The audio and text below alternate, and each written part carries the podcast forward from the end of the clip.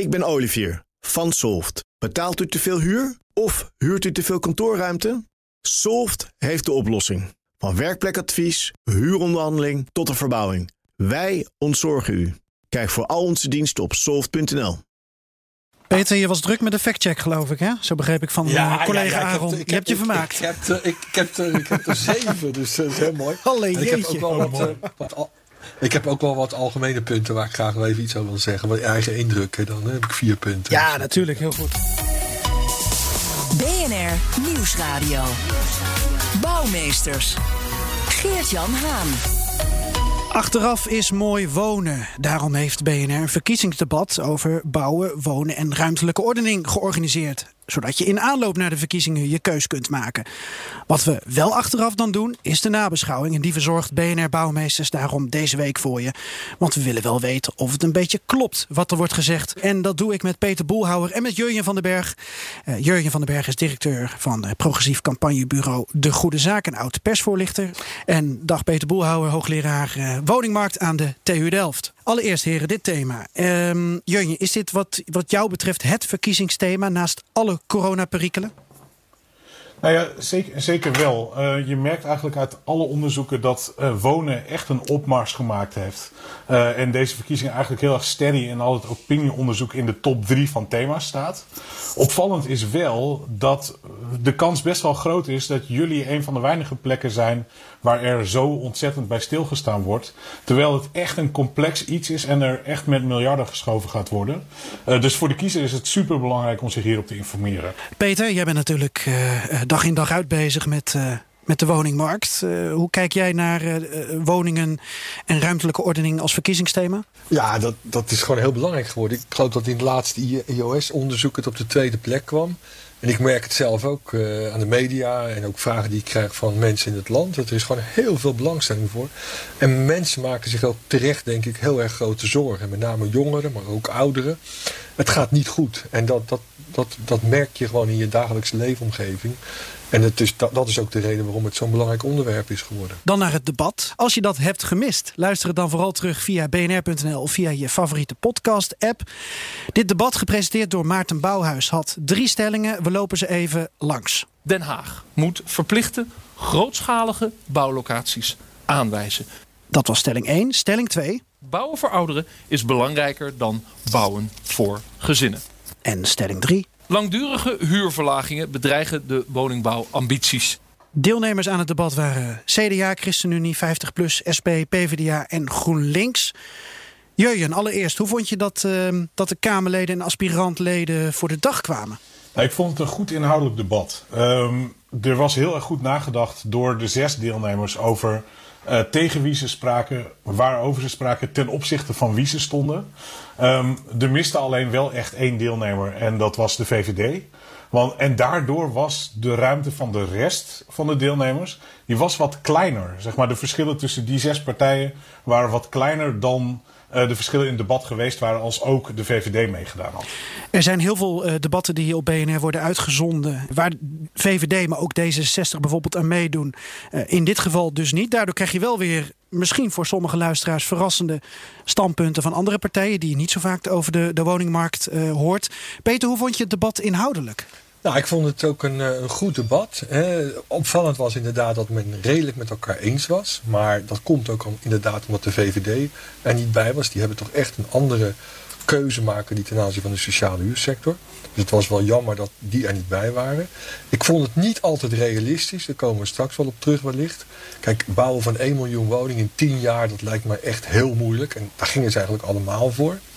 Er zaten toch ook wel behoorlijk wat onjuistheden in, vond ik. Daar komen we straks ook op terug. En wat ik ook wel miste, waren de oplossingen voor de middellange termijn. Hè? Want ook stel je dat je die miljoen woningen wel zou bouwen, dan nog de komende vier, vijf jaar. Ja, hebben we nog steeds te maken met een enorm woningtekort. Het gaat alleen maar oplopen. Dat is de officiële prognose van het Rijk. Ja, en ehm, daar moet je toch ook in die tussentijd wat, eh, wat eh, voor regelen. En dat werd eigenlijk niet, die oplossingen werden niet geboden. En ik vond ook, ja, er is natuurlijk heel, wat je ook wel kan concluderen op basis van dit debat, dat er de afgelopen jaren heel veel verkeerd is gegaan in het woonbeleid. En daar hadden CDU, CDA, CU en ChristenUnie natuurlijk wel lastig mee, want die staan natuurlijk voor dat beleid. Ja. Want als je zoveel wil veranderen, dan kun je ook concluderen dat er ook heel veel fout is gegaan. Laten we diverse momenten en fragmenten dan bespreken. We hebben als redactie ook een aantal fragmenten geselecteerd. Maar eerst is de vloer aan jullie. Peter, laat ik met uh, jou beginnen. Um, ja, laten we het gelijk even hebben over een, een opmerkelijk stukje debat. Henk Nijboer van de PvdA en Liane de Haan van 50PLUS. En dan als je bijvoorbeeld een, lage huur betaalt en je gaat naar een appartement en je betaalt veel meer dan we daar, daar moeten doen. Maar dat is heel anders dan mevrouw Den Haan zegt van nou ja, eigenlijk iedereen die daar in een eensgezinswoning zit, die moet maar weg en die moet maar naar een appartement. Maar de, de, de verhuisbereidheid onder ouderen is echt best wel groot. Alleen er is geen passende huisvesting. Dus ik denk dat het heel belangrijk is om dat wel te realiseren. En nogmaals, eerst aan die achterkant van die keten beginnen. Ja, Peter. Uh, 50 plus sluit aan bij de stelling: bouwen voor ouderen is belangrijker dan bouwen voor gezinnen. En jij vond dit wel een interessant fragment. Nou, dat laatste heeft natuurlijk helemaal gelijk. Hè. Dus als je meer voor ouderen bouwt, en dan met name wat, wat tussenvoorzieningen, hè, met uh, geclusterd wonen, dat noemden ze dan niet, maar dat is wel heel belangrijk. Ja, dan kun je natuurlijk heel veel bereiken, ook in je bestaande voorraad. Maar wat niet waar is, is gewoon is dat de verhuisgeneigdheid, bereidheid bij ouderen heel groot is.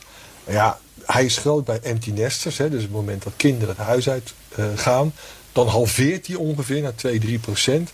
En dan loopt hij weer op bij 80, 85 plus. Maar dan is het noodzaak.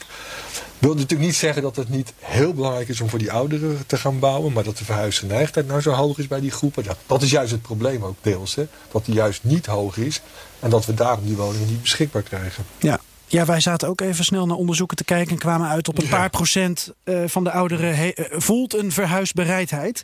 Dat kan natuurlijk dan ook met het beperkte aanbod samenhangen. Maar jij zegt uh, dat speelt niet zo'n grote rol dat ineens een heel groot deel van de ouderen zegt wij verkassen. Nee, nee, sterker nog, ze willen heel vaak ook in de, dat werd ook in het debat genoemd. Ze willen ook graag in de vertrouwde wijkomgeving willen blijven wonen. En daarom is het ook zo belangrijk dat we die oudere woning op de goede plek neerzetten. Jurjen, welk moment springt er voor jou uit? Nou, voor mij springt er een moment uit, ik zei het net al, de VVD was er niet. Uh, um, en uh, Henk Nijboer die uh, vindt vrij snel in het debat een gelegenheid om de VVD in het spel te brengen. En dat doet hij niet omdat hij nou zo graag over het woonbeleid van de VVD praat, maar met name omdat hij op dat moment heel erg goed zichzelf als een tegenhanger daarvan kan presenteren. En dat, dat is slim gedaan van links tot rechts in Nederland vinden we dat er veel te weinig woningen worden gebouwd. Men is, de hele ja, Kamer is ontevreden over wat de afgelopen vier jaar is gepresteerd. Maar er zit wel een ideologische keuze achter hoe je dat doet. En laat je het aan de markt, vind je het een woningmarkt... of vind je volkshuisvesting een grondwettelijke taak? En welke keuze en daar krijg begint, als ik op de Partij van de Arbeid Daar begint natuurlijk de politieke keuze. En er zitten GroenLinks en PvdA en SP aan dezelfde kant. En er zit CDA een beetje tussenin. En VVD is er vandaag niet. Maar die zit helemaal aan de andere kant. Ja, dan kun je als VVD ook niet reageren. Nee, Nee, dat is dus de, luxe die hij heeft. En dat, dat is fijn natuurlijk. Maar wat er vooral ook gebeurt, is dat hij zo even en passant ook CDA wegdrukt. En ook koppelt aan het woonbeleid van de afgelopen tijd. Um, en, dat, nou en dat doet hij wel op echt een kernpunt van zijn achterban. En eigenlijk heel simpel verwoord. En je kunt, kunt natuurlijk heel diep ingaan op, uh, op waar die wooncrisis vandaan komt. Maar feitelijk wordt dit in het verhaal van Nijboer wordt uh, woonbeleid ontspoort vanwege te veel markt. Te veel markt komt door de VVD. De Partij van de Arbeid lost het op. En dat is in een debat altijd wel fijn als je uh, de wereld zo simpel kunt maken. Uh, dus dat vond ik goed gedaan hier. Nogmaals de drie stellingen in het verkiezingsdebat. Eén, Den Haag moet verplichte grootschalige bouwlocaties aanwijzen. Twee, bouwen voor ouderen is bouw, belangrijker dan bouwen voor gezinnen. En drie, huurverlagingen bedreigen de bouwambities. Dat gaan we nu bespreken in Bouwmeesters. En dan beginnen we met deze quote. Het grootste verschil tussen het CDA en GroenLinks zit hem uh, op de locaties. Waar willen we deze woningen gaan bouwen? Uh, ik constateer dat onze steden hartstikke vol zijn, heel druk zijn. Er is weinig groen. Uh, de leefbaarheid staat onder druk. En GroenLinks wil eigenlijk uh, al die woningen binnenstedelijk proppen. En dat, is, uh, dat kan niet. Dat is ook te duur. Er zijn veel bezwaren, procedures duren lang. En ja, zo halen we never nooit niet die miljoen woningen. Dit is Julius Terpstra van het CDA, die de verschillen met Paul Smulders van GroenLinks duidelijk maakt. Het gaat over of er binnen of buiten de stad gebouwd moet worden. Peter Boelhouwer, is er inderdaad in de stad weinig tot geen ruimte?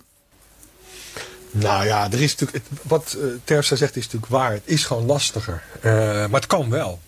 Hè, het zal ook waarschijnlijk wat langer duren. Maar als de politieke wil er is, dan kan het. Het kost alleen ook meer geld. Dat is wel duidelijk. Je moet vaak veel meer voorbereidingen treffen. Je moet grond saneren. Maar het is ook, dat dit is echt een politieke keuze. Wil je inderdaad in die stad bouwen? Of geef je ook de mogelijkheid om nog wat aan die randen te doen? Wat hier niet genoemd wordt, en dat vind ik wel jammer, is de keuze van, van, gewoon van burgers. Hè? Want als je gewoon kijkt naar de woonvoorkeuren, dan is nog steeds de grootste woonvoorkeur is gewoon suburbaan wonen. En ik wil ook absoluut niet zeggen dat je dat volledig moet, uh, moet, uh, moet nakomen. Maar als je alles in de stad bouwt, dan doe je toch wel heel veel geweld aan, aan, uh, ja, aan de voorkeur van mensen.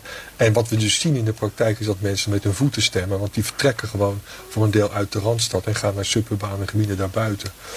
En ja, dat, dat, dat had uh, het CDA nog wel kunnen noemen. En daar gaat natuurlijk GroenLinks wel echt aan voorbij. Maar nogmaals, dit is echt een politieke keuze die men, uh, die men anders maakt. Want GroenLinks zei het eigenlijk niet met zoveel woorden. Dat ze dan, als ze in de stad willen bouwen, dat ze dan de hoogte in willen. Maar dat is dan eigenlijk de enige optie, toch? Nou, dat gebeurt wel. Dat is de realiteit ook. En daar maak ik me ook wel, dat hebben we bij BNR al vaak besproken. Dat maak ik me ook wel ernstig zorgen over. Is dat we die met name in de marktsector, die duurdere appartementen, dat daar gewoon verzadiging gaat optreden. Er is maar een beperkt gedeelte van de Nederlandse bevolking die inderdaad bereid is om die enorme bedragen voor die hoogbouw neer te tellen. Dus, en, ook heel, en dit is ook maar heel geschikt voor een bepaalde groep. Hè, voor, voor met name young urban professionals, voor expats is natuurlijk allemaal prima. Maar ouderen, de meeste ouderen, die willen daar niet doodgevonden worden. En ook uh, gezinnen worden natuurlijk, ja, die, die, kiezen daar niet voor. Dus ja, dit is wel een consequentie van die keuze. En GroenLinks zegt uh, oude industriegebieden omtoveren tot woonwijken? Nou, dat is weer heel goed en dat gebeurt ook. Daar zie je hele mooie voorbeelden van.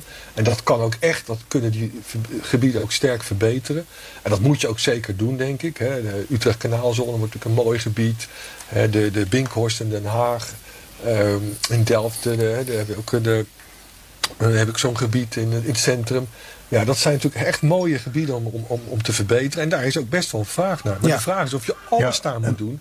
En dat, dat, ja, dat, ja, de meeste deskundigen zeggen eigenlijk dat is niet realistisch. Er zijn altijd mensen die roepen dat het wel kan. En op zich kan het ook wel als je heel veel geld en heel veel energie en moeite erin stopt. Maar nogmaals, ja, de vraag is of je dat moet willen inderdaad. Jurjen? Ja, er zat een politiek slimmigheidje in wat Paul Smulders deed. En niet, niet geheel toevallig ook op de dag van dit debat kwamen zij bijvoorbeeld met uh, het voorstel om te gaan bouwen op vliegveld 16 Hoven. Uh, en dat, zijn, dat soort ideeën, dat zijn wel een beetje de pareltjes van campagne voeren. Want hij zat een beetje in het defensief, merkte je eerder ook in het debat over uh, GroenLinks-wethouders die dan niet wilden bouwen in een polder of in het groen. En om eigenlijk zijn bereidwilligheid om wel te gaan bouwen in de ruimte te onderstrepen, pakte hij dus iets wat GroenLinks-kiezers verschrikkelijk vinden. Zo'n vliegveld waarop uh, waar vandaan budgetvluchten uh, gedaan worden. Uh, dat wijst hij aan als bouwgebied, zodat ja. hij ook een beetje immuun is voor die boodschap. Van, Met een park, hè? Want er moet wel groen bij natuurlijk. Exact, ja. En, en dat, dat, nou, dat, dat counterde dit dus al makkelijk. Dat, dat had hij hier uh, ook wel weer goed als weerwoord op, uh, op jullie sterfsta. Wat me wel opviel, was dat feitelijk natuurlijk even dat gesprek over waar te bouwen. Uh, ook wel een beetje een afleidingsmanoeuvre was van het grotere verhaal. Van hoe zorgen we er überhaupt voor dat er gebouwd wordt? Hoe financieren we dat? Et cetera, et cetera. En dat is ook wel weer slim gedaan door Terpstra. Die staat sterker op nou ja, de, de, variëteit van plekken waar gebouwd kan worden. En kan GroenLinks er dan op aanvallen dat zij dat lokaal niet voor elkaar krijgen. Terwijl GroenLinks natuurlijk meer op dat stelselniveau zit van we moeten überhaupt aan bouwen komen. We moeten voor de juiste groepen bouwen. We moeten ervoor zorgen dat die, dat die woningen er überhaupt komen. Uh, en dat vind ik wel een typische dynamiek in een verkiezingsdebat. Uh, dat dan net als iemand helemaal naar het stelsel wil en misschien dus ook Terpstra de schuld wil geven van het feit dat er de afgelopen tijd nog niet gebouwd wordt. Terpstra dan zegt laten we eens vooruitkijken uh, en ook kijken wat jullie deze periode niet geleverd hebben. En dat is wel, nou, dat vind ik zelf heel mooi aan zo'n verkiezingsdebat. Ja, er is nog een plek waar we kunnen bouwen. En daar kwam 50PLUS mee. Die horen we niet heel vaak over ruimtelijke ordening. Maar dit was misschien wel een interessant punt. Tweederde van ons land is agrarisch land. Uh, heel veel boeren, er zijn 5000 boeren, die kunnen geen opvolging vinden. Als je 1% daarvan gebruikt, dan kun je al 800.000 woningen bouwen. Dus ik zou zeggen, laten we ook daar met elkaar naar kijken. Juist. En ik meen me te herinneren, Peter Boelhouwer, dat jij hier eerder voor gepleit hebt. Ja. ja, dat is natuurlijk heel duidelijk. Het is ook een inkoppertje Uh, dat is jammer dat de Partij van de Dieren er trouwens niet bij was. Want die hebben wel een hele radicale standpuntwijziging doorgevoerd. Die wilden eerst helemaal niks bouwen. Mevrouw Thieme vond dat er nooit gebouwd moest worden. En nu willen ze ineens een miljoen woningen in het groen gaan bouwen. Ja. Dus dat is wel heel bijzonder. Nee, maar dat is gewoon, uh, dat klopt. De twee derde van het oppervlakte in Nederland is landbouw. En daar hebben we er grote problemen mee. Bedrijven die gaan stoppen en dergelijke. Heel veel vervuiling en ellende met bodemdaling en dergelijke. Dus als we dat een klein beetje terugbrengen. Nou, ik zeg wel eens de helft bijvoorbeeld van Nederland. Nou, dat 6% hebben ze van ons bruto, binnenlands product. Dan vind ik dat nog netjes. En dan los je heel veel natuur- en woonproblemen los je gewoon op. Dus daar heeft ze, wat mij betreft, gewoon een heel sterk punt. Maar klopt het ook wat ze zegt? Dat je op 1% van ons landbouwareaal 800.000 woningen kwijt kan? Nou, nou dat zei, ik, geloof, ik weet niet of ze het landbouwareaal zijn. Kijk, 7% van Nederland is, is bebouwd met woningen. En dan reken ik ook nog straten en dergelijke mee. En dan winkeltjes die er zijn. Ja, als je dat met 1% zou uitbreiden ja, dan kom je natuurlijk een heel eind. Hè? dan, dan, dan kan je 1 zevende toevoegen. Dat is natuurlijk heel veel. Ja. Dus of je nou ja, dan zit je bijna wel, want dat landbouw is twee derde. Dus je komt heel veel. Dus eh, als je anderhalf procent pakt, dan ben je er vrijwel wel, ja. Jurjen, als je als, uh, als jongere hebt geluisterd naar dit debat. Uh, nou ja, ik ben zelf onder de 40, dus ik beschouw mezelf dan misschien nog maar even als jongere. Um, was er dan een plan van een partij waarvan jij zegt van nou, dat, daar, daar zou ik op stemmen? Ik had zelf de indruk dat er weinig voor mij langskwam. Daar heb je denk ik wel gelijk in. Kijk, de grootste omweg zat erin dat eh, bij die tweede stelling die we zo gaan behandelen, uh, dat partijen zich realiseerden van ik kan hier niet alleen maar spreken namens de belangen van de, uh, van de ouderen, want ik moet ook gaan kijken naar jonge gezinnen. Maar eigenlijk daaronder, onder die jonge gezinnen, zat er relatief weinig. En het wonderlijke is natuurlijk wel die wooncrisis, die stapelt zich met name op aan de, aan, de, aan de onderkant van de flexmarkt aan de onderkant van de woningmarkt. En daar zitten, uh, jongeren zitten daar op dit moment uh, behoorlijk lastig. Die, als die in de stad willen wonen, dan moeten ze verkamerd gaan wonen. Um, als, ze, uh, nou ja, als ze een hypotheek willen, hebben ze vaak geen vast contract. dus het verbaasde mij wel een beetje dat met name GroenLinks en de Partij van de Arbeid niet Terwijl daar, die daar echt wel een duidelijk uh, kiezerspotentieel hebben. Uh, dat die daar niet over spraken. En ik verklaar dat misschien wel een beetje. Uh, eerlijk gezegd, Geert-Jan, door de mensen die naar dit debat luisteren. En dat ze de gok gemaakt hebben dat dat niet per se jongeren zijn. Hm. Ja. Dan gaan we daar aan werken, aan onze achterban. Die gaan we wat uitbreiden. Niet, ten nadele van het bereik van je zender. Maar dat is natuurlijk ook wat je doet hè, bij zo'n verkiezingsdebat. Zeker. Dat je je afvraagt Stel je, je, gaat als, uh, je gaat als Partij van de Arbeid uh, politicus ga je naar een debat van de, uh, van de haven. Dat is niet de plek waarop je dan, waar, waarop je dan heel erg veel op, op de sociale tour gaat. en dat, dat is denk ik dus ook een beetje de inschatting geweest van Smulders en Nijboer hier.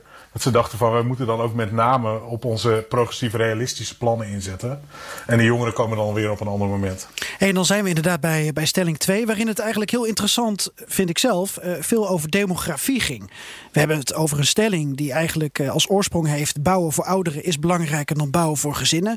We hoorden net al even uh, de quote van, van Liane de Haan in het debatje met, met Nijboer erover. Peter, demografie, is dat iets dat, dat vaker besproken mag worden in het kader van, uh, van volkshuisvesting, namelijk voor wie bouwen we? Ja, dat is natuurlijk ontzettend belangrijk. En we hebben daar te lang ook in Nederland niet over gesproken. Met name migratie is natuurlijk uh, nog steeds hè, is een, toch wel een, uh, een lastig onderwerp. Maar de, een van de belangrijkste redenen waarom dat uh, zo mis is gegaan met dat woningtekort, is natuurlijk die migratie geweest.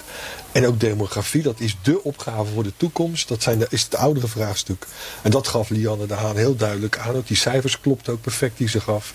Daar ligt een enorme opgave en daar moeten we echt over nadenken. En nou, dat kan zijn dat je inderdaad voor ouderen direct bouwt. Of dat je via de doorstroming dat doet. Of, of anderszins. En, en wat voor type woning je dat doet. Maar je moet echt iets gaan doen met die, met die, met die toekomstige vraag. Ja. En Jurjen, uh, Liane de Haan had het ook over Knarrenhof. Nou ja, kijk, wat ik knap vond was, Lianne Den Haan was eigenlijk de enige niet, uh, niet specialist in dit debat. Um, wat Peter zegt over dat veel feiten nog niet zullen kloppen, is natuurlijk altijd een beetje het verschil tussen generalistische politici en een hoogleraar. En dan stelt het altijd teleur. Maar waar het over politici gaat, waren dit wel vooral ook mensen die veel met het onderwerp bezig geweest waren. Uh, Den Haan kwam nieuw in het debat en heeft natuurlijk wel als uh, directeur van de ANBO, van de Ouderenbond, hier, hier wat mee gedaan. Maar ik vond, het, vond dat zij ontzettend knap in dit debat eigenlijk gewoon maar één ding deed. En dat was een heel erg te genieten verhaal vertellen over waarom ouderen een uitzonderingspositie verdienen. En dat is best wel knap, want uh, de, de grote problemen zitten juist uh, je, zou, je zou best kunnen zeggen, uh, die ouderen zijn een groot probleem op de woningmarkt. En zij presenteerden eigenlijk dus het bedienen van die ouderen als een oplossing van dat probleem. In plaats van uh, hoe je ze ook weg kan zetten als degene die die woningen bezet houden, die geen kant op willen. Uh, en dat vond ik dus wel knap gedaan. En als je het dan hebt over zo'n knarrenhof, dat is dan zo'n klein voorbeeld. Uh, later werd het nog wat preciezer en wat toegankelijker uh, benoemd als een hofjeswoning. Dan zie je onmiddellijk voor je van oké, okay, dat is dus een andere manier van wonen. Waarbij ouders bij, ouderen bij elkaar gaan wonen. Ja. waardoor ze dus wat meer aan elkaar steun hebben. Je daar ook voorzieningen omheen kunt bouwen. En dan zie je dus dat er, dat er dus iemand die eigenlijk aangesproken kan worden op jouw achterban is het probleem. Die zegt de oplossing ligt bij mijn achterban. En dat is altijd super fijn als je dat op zak hebt. BNR Nieuwsradio. Bouwmeesters. Geert-Jan Haan. Je luistert naar Bouwmeesters, een nabeschouwing van het woningbouwdebat dat op maandag 15 februari door BNR is georganiseerd met zes politieke partijen. Wij praten na met Peter Boelhouwer en Jurje van den Berg. Peter, jij hebt uh, af en toe uh, genotuleerd en wat, uh, wat checks gedaan. Hè? of alles klopte wat de politici zeiden. Waar heb je je over verbaasd? Nou, ik heb er al een paar gehad. Hè. Die verhuisgeneigdheid, die, die klopte denk ik niet. Dat, dat de, het gemak waarmee we 1 miljoen woningen gaan bouwen. Nou ja, nogmaals, alles kan. Hè. We kunnen ook naar Mars. Maar dit is wel heel ambitieus. Dus je moet echt sterk rekening houden met dat dat, dat dat toch te ambitieus is. Nou, een ander puntje was de Partij van de Arbeid. Die gaf aan dat speculanten bewust locaties laten liggen. Nou, dat wordt altijd wel genoemd. Er is net een onderzoek van de stekgroep uit. En daar blijkt eigenlijk dat dat heel weinig voorkomt. Het zal een keer voorkomen. Je kan altijd wel een voorbeeld noemen. Maar het grote probleem is toch echt de financierbaarheid van die gebiedsontwikkelingen. Dus dit, dit is niet de belangrijkste oorzaak dat er niet gebouwd wordt. Um, nou, wat ik het, van het CDA ook niet juist vond, is door te zeggen... ja, het eigenlijk het alleen belangrijk is dat je woningen bouwt. Dat is echt te simpel. Die differentiatie hebben we het ook al over gehad met die ouderhuisvesting is juist erg belangrijk. Dus je moet wel degelijk heel goed kijken waar en voor wie je bouwt. Nou, dan had de SP op een gegeven moment een opmerking over hogere huren. Die zeiden van ja, kijk, die hogere huren die leiden niet zomaar tot productie. Eh, eh, wat hebben, heeft deze tijd wel uitgewezen. Nou, de afgelopen jaren is de productie juist wel omhoog gegaan. Hij gaat de komende tijd wel weer dalen, dat is een ander verhaal. Maar hij is wel gestegen. En juist de productie van vrij sector huurwoningen, die is heel fors gestegen. En die is van, van 1000, 2000 woningen naar, naar 8 à 10.000 woningen opgelopen. Dus ja, je zou kunnen zeggen dat dat wel geholpen heeft als je meer middenhuur en vrij sector huurwoningen wilt. Dus dat verband wat gelegd werd, ja, dat is er volgens mij niet. Um, en dan werd door eigenlijk alle partijen, werd, en dat is ja, volgens mij echt een misverstand, wordt continu geroepen dat de verhuurderheffing de productie heeft gehalveerd van corporaties. Ah. Nou moet ik je eerlijk zeggen dat ik de verhuurderheffing een pervers instrument vind. Om allerlei redenen. Maar daar moeten we maar eens een andere uitzending aan wijden. Maar dat die productie daardoor gehalveerd is. Dat is maar echt zijn minste halve waarheid. Kijk, toen die is ingevoerd. Toen is er inderdaad is er, is er wat, wat terughoudendheid geweest met plannen. Er is wat schrik geweest.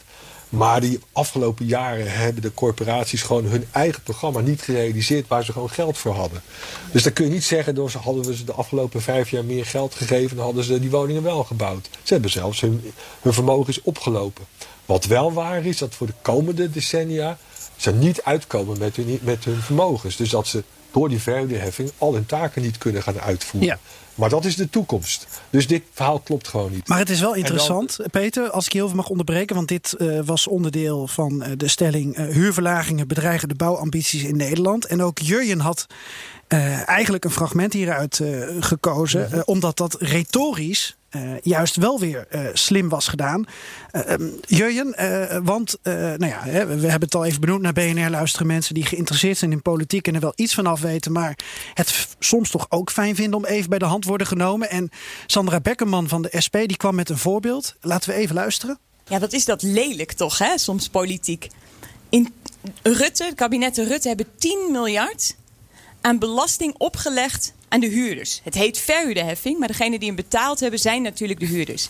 En daardoor zijn er nu wachtlijsten van soms wel tien jaar en soms nog veel meer voor een sociale huurwoning. De afgelopen vijf jaar zijn er 100.000 sociale huurwoningen minder. Het werd net al even gezegd, door die verhuurderheffing, door die verhuurderheffing is de woningbouw van sociale huurwoningen gehalveerd. Ja, kijk, Becker, Beckerman die eh, zet hier eigenlijk de lijn van haar politieke leider ook heel erg voort. Uh, de SP communiceert op dit moment het allerhelderst uh, en het meest in uh, tegenstellingen ten opzichte van de grote politieke opponent. Dat is in hun geval de markt, het neoliberalisme, verpersoonlijk door uh, Mark Rutte.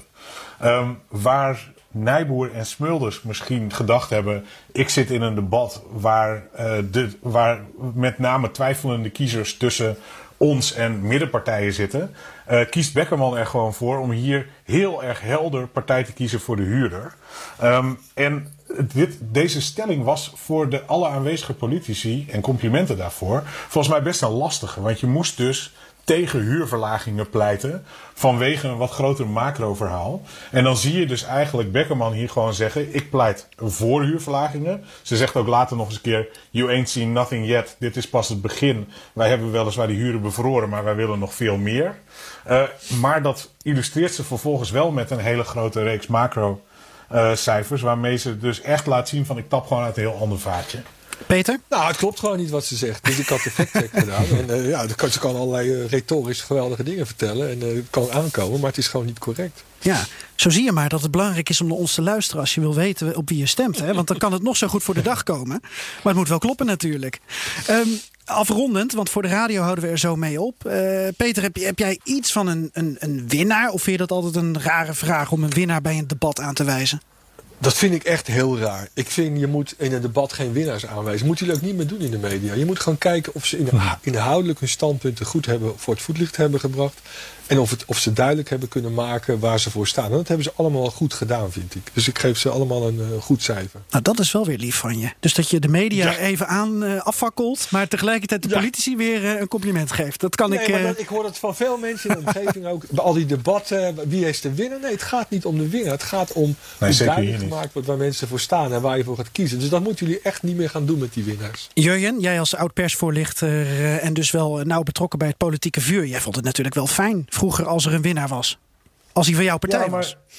Nee, nee, maar het mooie is, Peter heeft gelijk hier. Uh, wat het grootste nieuws van dit debat was, was dat er behoorlijk eensgezind flinke Precies. bedragen en flink veel beleid verschoven Precies. werd. En of het nou over die verhuurheffing ging, of het ging over fiscale hervormingen, of het ging over de bereidheid om te bouwen, of het ging om het aan banden leggen van de vrije sector. Allemaal echt grote politieke thema's. En als je heel goed luisterde, werd hier dus wel heel goed geformeerd tijdens een verkiezing. En in de tussentijd hebben we nog wel heel duidelijk gezien wat de verschillende smaken waren. En dat ben ik wel met Peter eens. Dat heb ik echt tien keer liever uh, dan een one-liner competitie. Ja, want dan kunnen we afronden met uh, een paar punten waar de VVD volgens mij, volgens het programma, ook het voor een groot deel mee eens is. Namelijk, er moet gebouwd worden. Er moet een uh, minister komen van uh, Vrom of Bouwen. VVD wil dat officieel niet, maar heeft wel gezegd... als er een coalitie moet worden gevormd... is dat niet iets waar we voor gaan liggen. Um, er is natuurlijk discussie over uh, fiscaliteit. En zo zijn er meer hervormingen... waar eigenlijk heel veel partijen van zeggen van... nou, misschien zijn we toch wel stiekem met elkaar een beetje eens. Ja, en heel belangrijk, heel veel geld naartoe. Hè? Er worden ja. echt met miljarden geschoven nu. Dat is heel belangrijk. We ronden af voor de radio, uh, maar lang leven on demand luisteren, want we gaan daar nog een paar minuten door. Dus luister onze, uh, uh, onze podcast en dan hoor je nog meer van Peter Boelhouwer en Jurje van den Berg. Tot zover BNR Bouwmeesters op de radio. Tips en verhalen stuur je naar bouwmeesters.bnr.nl of naar onze social kanalen. En deze uitzending kun je terugluisteren dus als podcast via de BNR-app en bnr.nl. Aan je toe. Voor de podcast gaan we dus verder. Uh, wat kunnen we verder nog aanstippen? Uh, Peter, was het vermakelijk? Kijk je daar ook op die manier naar als woningmarktanalist? Nee, nee, ik heb heel erg op de inhoud zitten, uh, naar de inhoud zitten luisteren. Ik ken deze, deze vertegenwoordigers heel goed. Het zijn trouwens niet generalistische politici hoor. Het zijn echte vakspecialisten, behalve Genius. Die hoorde je ook het minste trouwens van de ChristenUnie. Ah, Grinwis, ja. Een, een, een, een nog redelijk onbekend uh, raadslid in Den Haag voor de ChristenUnie. Ja, maar die anderen die zijn echt door de wol geverfd, de, de woningmarktspecialisten hoor. Dus, dat, uh, ja. dus ja. ik heb heel goed ja. naar de nuances geluisterd. Ja. Jurjen? En, en Grimwis is wel heel belangrijk, hè, want die was de enige, de enige niet, uh, het enige niet-Kamerlid dat in de afgelopen formatie heel veel invloed had op uh, hoe er met miljarden geschoven wordt. Uh, een van de brillen aan de financiële tafel. Uh, dus het is denk ik ook wel weer goed nieuws voor, de, voor de woningsector dat de ChristenUnie hem naar voren schuift. Ik vond het wel interessant wat hij nog op het laatst benoemde. En ook wel een beetje nog uh, met een beetje moeite in het debat uh, wilde verwerken. Laten we even luisteren naar wat Grinwis in een halve minuut allemaal probeert uh, te benoemen. Het gaat natuurlijk ook over hervorming van dat fiscale woonbeleid. Dat fiscale volkshuisvestingsbeleid. Want dat is werkelijk natuurlijk een ramp. De afgelopen jaren zijn er wel goede stapjes gezet met het beperken van de hypotheekrenteaftrek. Maar waar we echt naartoe moeten is naar eigendomsneutraal fiscaal beleid. De hypotheekrenteaftrek eraf, eigen woning voor ver eraf, overdrachtsbelasting eraf, de woning in box 3 ja. en, uh, en de huurtoeslag ook niet meer dus op deze manier organiseren. Want als je op dit moment een starter bent op de woningmarkt en je mhm. wil die woningmarkt op en je kan, komt niet in een sociale huurwoning, ja. maar in een dure vrije sectorwoning ben je twee keer de sjaak. Je betaalt te veel en je hebt geen recht op huurtoeslag. Ja, uh, Jurjen, ik weet niet of je huizenbezitter bent, maar heb je meegeschreven? Ik heb, uh, ik heb meegeschreven. Ik zal het nog even door mijn, uh, door, door, mijn financieel persoon laten nakijken. Nee, kijk, het, het, het interessante is. Um, hij moest dit nog wel even gezegd hebben. En voor in zijn hoofd zijn dit makkelijke, makkelijke denkstappen. Ik denk dat als hij het ergens kwijt kan, dan is het wel in een debat met jullie. Uh, want ik denk dat de BNR-luisteraar in hogere mate ook economische processen doorgrondt. Maar het is natuurlijk aan de late kant in zo'n debat. En hij moet er echt op oefenen om dit in stukjes te hakken en duidelijker uit te leggen wat het doet voor, uh, voor, voor zijn kiezer. Want Peter, volgens mij heeft hij wel een punt dat hij hier maakt, ook al zijn het een heleboel uh, puntjes achter elkaar. Ja, zeker. Ik moet nog even corrigeren. Lianne de Haan is natuurlijk ook geen Kamerlid. Hè, maar die is wel heel goed met het onderwerp via haar AMBO-voorzitterschap verbonden. Dus dat even nog ter correctie. Ja, uh, ja hij, hij haalde heel veel overhoop. Hè. Er zijn de afgelopen twintig jaar zijn er echt, nou ik wil niet zeggen boekenkasten, maar zo ongeveer wel. Ik heb er zelf ook aan meegewerkt. Adviezen geschreven om de woningmarkt te hervormen, echt structureel. En met name dat eigendomsneutrale woonbeleid speelt daar eigenlijk overal een belangrijke rol. Maar het is natuurlijk wel, ik weet niet of het nou debattechnisch handig is om dit nu op het einde even allemaal uh, naar voren te halen. Dat, dat vergt natuurlijk ook weer een aparte uitzending dit. Dus ik, ja, ik, ik vond het eigenlijk een beetje verwarrend dat hij dat op het einde nog... Had ook kunnen zeggen, we moeten de hele woningmarkt hervormen... En we moeten eigendomssectoren eerlijker gaan behandelen. En nog belangrijker is, eigenlijk, dat noemde hij nog niet eens, is ook generaties eerlijker gaan behandelen. Want daar zit een belangrijk deel van het probleem ook. Hè. Wat jij terecht aangaf, Geert-Jan, die starters komen niet aan bod. Maar daar zit natuurlijk het probleem ook. Hè. Dat we een generatie insiders hebben die wat ouder is en het goed voor elkaar heeft. Maar de problemen bij de jongeren, bij de outsiders liggen. Ja, Jurjen? En dat kun je met zo'n stelselhervorming wel aanpakken, ja. Structureel. Ja, nou ja, en dat is dus ook het interessante, want wonen is dus een heel belangrijk, uh, heel belangrijk verkiezingsthema. Maar dan met name natuurlijk ook voor de mensen die het raakt. En ik denk dat, dat de reden dat uh, die wooncrisis nu wel echt een thema is, is ook een beetje waar Peter mee begon. Dat is omdat die groep die het raakt steeds groter wordt. En die groep die het raakt ook steeds dichter zit bij het kernelectoraat van deze partijen. Dus dat betekent ja, dat middenklassers uh, gaan het voelen. Um, ouders zien dat hun kinderen de last, de last van hebben. Um, en nou ja, de, de, op, straat zie je dat het woonbeleid leidt tot dakloosheid, et cetera, et cetera. Dus uh, de omvang van die crisis, dat, dat is misschien wel hetgene wat in het debat nog echt wel wat meer gemogen had. En daarom vond ik dus die bijdrage uh, van Beckerman wel interessant. Um, het is naast een technisch heel ingewikkeld dossier, inmiddels ook een heel erg emotioneel geladen dossier, wat ook gaat over de diepe kloven en de, en de breuklijnen in onze samenleving. Uh, en ik denk dat de deelnemers aan dit debat uh, wel bij het terugluisteren met hun campagneteams nog wel zullen horen van maak dat echt wat menselijker. Peter, uh, zullen we het nog even hebben over de regie en of die weer terug moet naar het Rijk en dan in welke mate. Want eigenlijk heeft bijna elke partij gezegd... de overheid, met name de mensen in Den Haag... die moeten dus uh, meer regie weer in handen gaan nemen. Meer gaan bepalen wat voor grote uh, woningbouwprojecten er komen in Nederland. Waarbij je daarna een klein beetje een discussie hoorde, maar niet helemaal uitgevent over wat is dan de rol van de gemeente? Wat is dan de rol van de provincies? Want we hebben natuurlijk zoveel verschillende lagen. En dat zorgt ook voor een heel ingewikkeld debat over wat je moet doen in een polder. Moet je daar windmolens bouwen, zonnepanelen neerzetten, huizen bouwen, industrieterreinen, noem het maar op. Um, hoe kijk jij ernaar en, en naar, naar dat punt van, van regie en wie waarover gaat? Nou, dat is natuurlijk wel een van de problemen waar we nu tegen oplopen. We hebben het zo ingewikkeld gemaakt. En we hebben zoveel partijen die aan tafel zitten met ook zoveel verschillende belangen. Dat we niet, uh, niet vooruitkomen. Het is een beetje vergelijkbaar ook met die coronacrisis, waar je ziet dat er. Uh, ja, heel veel organisaties allemaal om tafel moeten voordat er iets, iets gebeurt. Hè. En dat is natuurlijk, kijk, als er geen crisis is, dat allemaal prima. Dan kun je het polderen, dan kun je het allemaal goed organiseren. Maar als er echt actie vereist is, ja, dan, dan, dan, dan, dan werkt dit tegen je. Wat, wat, wat in het debat duidelijk werd, hè, is dat iedereen zit wel ongeveer op dezelfde lijn. In die zin van, er moet gewoon een nationaal programma komen wat kloppend is. Hè. Dus en wie dat dan nou precies bepaalt, dat maakt eigenlijk helemaal niet zoveel uit of die regio zelf met die plannen komen. Maar er moet op een gegeven moment een klap opgegeven worden van oké, dit is voor de komende tien jaar, dit zijn de aantallen.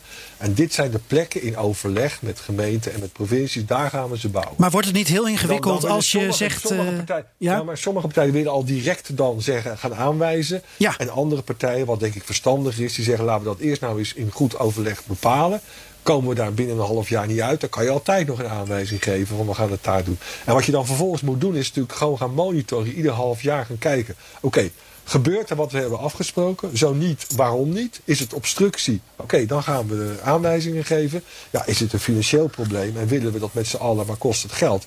Ja, dan moeten we daar een oplossing voor bedenken.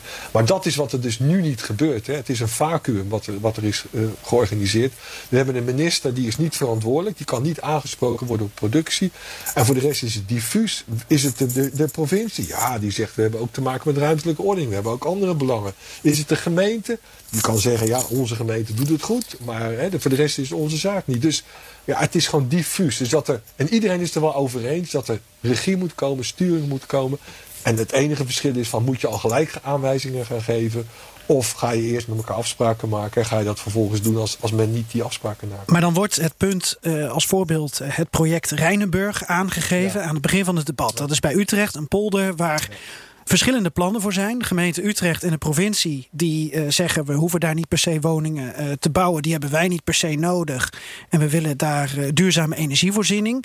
Dan zijn VVD en CDA die proberen bij de minister gedaan te krijgen dat dat project een soort uitzonderlijke positie krijgt. Dat er vanuit het Rijk regie over kan worden gevoerd. Dat geeft het CDA ook aan in ons debat. Hè, van, we willen dat er in ieder geval voor uitzonderlijke projecten een uitzondering wordt gemaakt. Maar ja, dan ga je weer discussie en debat krijgen over wat is een uitzonderlijk project en wat is in het landsbelang. Ja, dit is natuurlijk een beetje politiek, of een beetje, het is heel erg politiek. Okay. op deze manier kan men ook natuurlijk de zwarte piet bij gemeentes leggen en zeggen van, nou, kijk eens, het zijn niet wij, het Rijk die het probleem veroorzaakt heeft, maar die gemeente. Kijk, dus het is, en de Partij van de Arbeid denkt terecht, die heeft daar nog niet voor gestemd. Je moet dat eerst lokaal een kans geven. Kijk, als Utrecht zegt, wij gaan 60.000 woningen binnenstedelijk bouwen, ja, laat maar zien. Geef maar een planning. Ga maar, laat, maar zien wanneer je dat gaat doen. En als ze dat willen doen, nou, dat, is dan, uh, dat kan dan. Daar heb je nog wel het probleem trouwens dat je nog heel veel mensen hebt die ook, ook superbaan willen wonen. Maar goed, dat kun je dan in andere gemeenten. Kun je in Nieuwe Gein spreken oplossen of ergens anders. Maar ja, dus het is wel, en het gaat ook wel bestuurlijk, is het, gaat het ook wel heel ver hoor, die aanwijzingen. Dat, dat moet je eigenlijk alleen doen als er echt sprake is van obstructie en je, je gaat hogere doelen ga je, ga je naast je neerleggen. Dus ik vind dit inderdaad, dit is puur echt politiek dit. Ja. ja. Jurjen, nog een, uh, een slotwoord als uh, geïnteresseerde burger misschien. Uh, ben je hier, hier wijs uit geworden uit dit debat? Ja, eigenlijk wel. Kijk, ik, dat, zo, zo sloot ik net de radio-uitzending ook af. Hè? En dat, dat is ook een beetje, beetje zelfs Peter het hier schetst. Wat ik vooral zie is, ik word best wel optimistisch over de mogelijkheden om die wooncrisis op te lossen. Um, en, en dat is dus best wel fijn, fijn om te horen. Want dit is een van de dingen die kiezers echt in, in de hoogste mate bezighoudt. Um, waar het aan ontbreekt op dit moment is de mogelijkheid om te zeggen van dit is het probleem, zo lossen we het op. Het huidige kabinet en de kabinetten daarvoor mogen echt terecht aangevallen worden op het feit dat ze dat te veel aan de markt overgelaten hebben, dat ze daar te weinig op gestuurd hebben. En dat vind ik dus wel mooi om te zien als je naar zo'n debat luistert. Uh, ik word er optimistisch van dat dat in de komende periode niet gaat gebeuren. Um, en het enige dus wat me opvalt is, daarmee was de grote afwezige, afwezige de VVD. Die lijkt daar toch echt behoorlijk anders in te staan.